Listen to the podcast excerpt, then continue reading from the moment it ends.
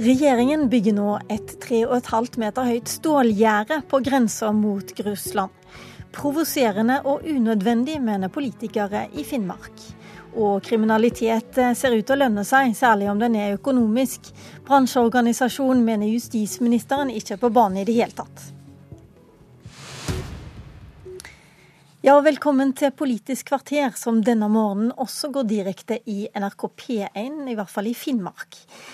I Ungarn har de satt opp et piggtrådgjerde. I Calais skal de nå bygge mur, og Donald Trump har sagt at han skal få opp et gjerde mot Mexico. Og nå, litt i det stille i hvert fall for folk sørpå, så bygger nå også Norge et sikkerhetsgjerde. Det er tre-fire meter høyt, og det er på Storskog mellom Norge og Russland. Men bare 200 meter langt. Statssekretær Ove Vanebo, hva oppnår du med 200 meter langt gjerde? Eh, hvis, er, hvis, man tror målet er å sikre hele grensa, så vil det jo selvfølgelig eh, ikke ha en så stor virkning. Men det, Hva er målet, da? det som er målet, er å sikre kontroll på eh, grensepasseringspunktet. Og da er det jo klart at når du får et gjerde som er 200 meter langt, og som er en ganske kraftig opprustning av infrastrukturen rundt grensestasjonen, så vil det kunne være med på å styre folkestrømmen hvis det kommer veldig mange eh, mennesker. Men, men, de som kom i fjor, det var jo 5500 som kom i fjor, kommer ikke de syklende langs veien? De kommer ikke over skogen? Det er riktig, men så er det jo samtidig sånn at det vi så i fjor, var at eh, ting kan skje veldig raskt og endre seg i løpet av veldig kort tid. Og da er nødt, vi nødt til å gjøre en del grep for å sørge for at vi er godt forberedt hvis det da skulle skje at vi får en folketilstrømning eh, hvor det er mindre kontroll på folkemassene. Og da er det klart at eh, Hvis man da får opp en, en uh, infrastruktur av den typen, så vil det ha virkning. Og så er det jo sånn at Norge skal være en eh, Schengen-ytterpost akkurat på det punktet. Eh, og Derfor så mener jeg også at for å kunne ivareta de forpliktelsene som følger gjennom Schengen-samarbeidet, så er vi nødt til å ha en oppdatert og, og mer robust infrastruktur.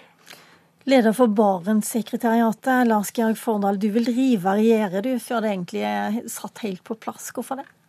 Jeg mener jo det er helt unødvendig å fylle ingen eh, funksjon. fordi at der hvor det gjerdet skal føres opp, så står det i dag en bom, og det er ingen som eh, har eh, prøvd å ta seg over der. Og så er det, det koster fire millioner. Det er omtrent det beløpet som trengs for å finansiere fem-seks nye stillinger på Storskog, noe som er etterspurt i lang tid. Og hvis man leser en av de tre rapportene som finnes om Storskog, f.eks. Justisdepartementet sin fra 2011 eller forprosjektet til nye grensestasjonen i 2012, eller rapport eh, fra september 2015, så er det ingen som nevner et sånt gjerde. Derimot en eh, ombygging og eh, man kan f.eks. gjøre litt asfaltarbeid inne på grensestasjonen for å øke kapasiteten og sikre grensa. Men asfaltarbeid for å øke kapasiteten, det var vel ikke helt det regjeringen ville nå? Nei, det var kanskje litt dårlig formulert. De ville unngå kaos i fjor. Ja. Ville ikke du det? Eh, det jeg snakker om asfaltbeier, er rett og slett for å flytte eh, kjøretøykontrollen. Eh, grensa er jo allerede stengt, og det er ingen som har forsøkt å, å komme seg over på det stedet. Når det, når det, er sagt, så hvis man skal komme seg over, så kan man jo da gå fem meter til, til venstre for gjerdet og, og, og um, plaske over vannet, eller man kan rett og slett ta seg over på andre plasser. Og av 196 km så bygges det gjerde på 200 meter. Eh, det løser ingen eh, problem, og sender samtidig helt eh, unødvendig negativ symbol. Men du sier på en måte to ting. Det ene er at det er helt unødvendig, men en annen ting er at det er ganske farlig i forhold til vårt naboskap med Russland, har du skrevet i en, i en kronikk på Ytring. At dette minner om kald krig. Hva mener du da? Jeg mener at i en tid hvor det samarbeidet som vi har i, i Nord-Norge, er uh, en av de få uh, områdene hvor man har et samarbeid med, med Russland, og det har vært nær dialog tidligere med Russland om å, om å øke kapasiteten på Storskog, og samtidig kanskje at russerne øker sin kapasitet på den russiske grensa. Eh, så sender vi et uh, veldig lite konstruktivt signal. Vi kan sette opp en mur. De kan sette opp uh, kanskje også en mur på, på sin side, men vi oppnår jo da ikke bedre grensekontroll. Og vi, vi løser heller ikke det som ble resultatet av Schengen-evaluering på, på, Storskog i 2011. Da lovte Norge å ha en ny grensestasjon klar. Hva, og det har jo ikke skjedd. Mm, Varnebo Fardal her, han representerer jo Barentssekretariatet, mm. som er de tre nordligste fylkene. De får de er stort sett finansiert av UD. Målet er bedre forhold til Russland. Mm. Så kommer dere å bygge opp et gjerde. Ja, men jeg, jeg ser ikke noen noe motsetning mellom Norges interesser og Russlands interesser. Altså Det man skal huske, er at uh, det, det Barentssekretariatet nå skremmer med at russerne også begynner å sette opp, det er jo allerede en realitet. Altså På russisk side så er det jo flere kilometer gjerde mot norskegrensa. Hva skal du med norsk gjerde da? Målet er jo selvfølgelig da at vi på begge sider av grensen har sørga for å ha en, en, solid infrastruktur. Det er jo klart at Hvis man har da flere lag med gjerde, så, så, vil jo det også styrke sikkerheten ytterligere. Og Det er jo ikke sånn at vi, vi, bare gjør dette ut av det blå uten å ha kontakt med russiske myndigheter. Vi har veldig god dialog med den russiske grensekommissæren, som ikke har hatt noen innvendinger mot at man setter i gang den type arbeid. Og, og, dette er jo tvert imot en, eh, hva skal vi si, en, eh, en, en forsterkning av, av, begges interesser. Eh, I 2014 kan, da... Vi kan høre litt rett og slett med Moskva-korrespondent Morten Jentoft, for vi har med deg også. Kan du fortelle oss litt om de russiske reaksjonene? Dette har jo vært en sak som omtrent absolutt alle russiske medier har eh, grepet fatt i. Eh, Norge bygger grense mot, eh, grensegjerde mot Russland. Nyansen i dette her har ikke kommet frem, dette at det er et relativt kort gjerde. Men dette føyer seg da inn i bildet, da, mener veldig mange russere, hvordan utenfor verden, og da inklusiv Norge, da nå gjerder inn hele Russland. Så at dette har blitt en stor sak i alle Eh, russiske medier. Eh, samtidig som man da eh, lurer på hva som er hensikten her, i og med at alle vet jo det at Russland også har grensegjerdet på sin side. Og det faktum også at det er faktisk, så vidt jeg vet, i hvert fall ikke personer som har kommet ulovlig over grensen andre steder enn på selve grenseovergangen. Sånn at denne saken her har vakt enorm oppsikt, og føyer seg da inn, mener russerne, i et eksempel på hvordan omverdenen, inklusiv Norge, nå holder på å gjerde inn Russland, isolere Russland fra resten av Europa. Vannebo, enorm oppsikt. Gjerde inn? Altså, det er mulig at dette vekker oppsikt i russiske medier, men uh, igjen så er det jo sånn at vi har jo kontakt med russiske myndigheter og bl.a. Grens grensekommissæren. Og så skal man huske at da, da, russerne også satte i gang eh, en større utbygging i 2014 på, på sin side med et uh, mer solid gjerde, så var også beskjeden fra den norske grensekommissæren at dette var helt uh, OK, nettopp fordi man da styrker sikkerheten rundt grensa. Mm. Så igjen her tror jeg nok at man hauser opp noe for, for et gjerde som er på 200 meter, på en grense som er 200 km.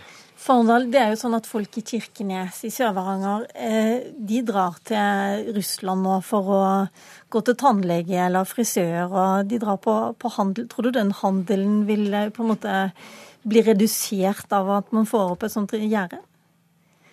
Det blir jo lengre tid å stå i kø, og det som Jentoft sier at Uh, russiske medier slår opp det, overrasker svært lite. og Istedenfor Man kunne hatt en mer konstruktiv uh, tilnærming og, og, inngått et samarbeid og, og, og, bygd ut Storskog. Eh, Øka kapasiteten, for det har vi jo utsatt og utsatt i, i flere statsbudsjett. Og hvis man har gjort det, så kunne man kanskje bygd et, et, et, eh, et mindre gjerde, eller and, ha bygd alle slags sikkerhetstiltak. Men det at man, man bruker ikke den muligheten eh, til å få opp en ny grense på en eh, Eh, få opp en ny grensestasjon? Veldig, veldig kort, det kan jo Varnebo få svaret på. Er det aktuelt å gjøre den grenseovergangen litt lettere for folk samtidig som du har det gjerdet? Eh, det er jo ikke sånn at eh, jeg nødvendigvis vil, vil, stenge for den type trafikk. Men til det som sies fra Barentssekretariatet, så er det sånn at vi har fått en utredning på ny grensestasjon. Eh, grunnen til at det er satt litt på vent, er at vi må avvente hvordan russerne skal ruste opp sin grensestasjon, sånn at vi da får samordna infrastruktur og, og, videre arbeid der. Så det, det, er jo igjen et eksempel på at vi har veldig god kontakt med russiske myndigheter, nettopp for da også samordne eh, hvordan grensepasseringene skal fungere. Ok, Litt ulikt verdensbilde på de to debattantene men det var fall så langt vi rakk i denne omgang. Takk skal dere ha.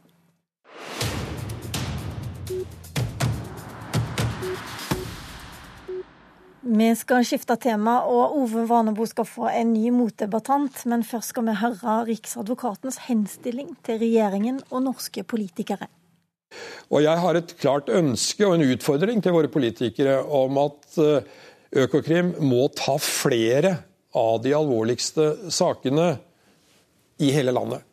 Det forutsetter en helt annen ressurssetting av mm. Økokrim.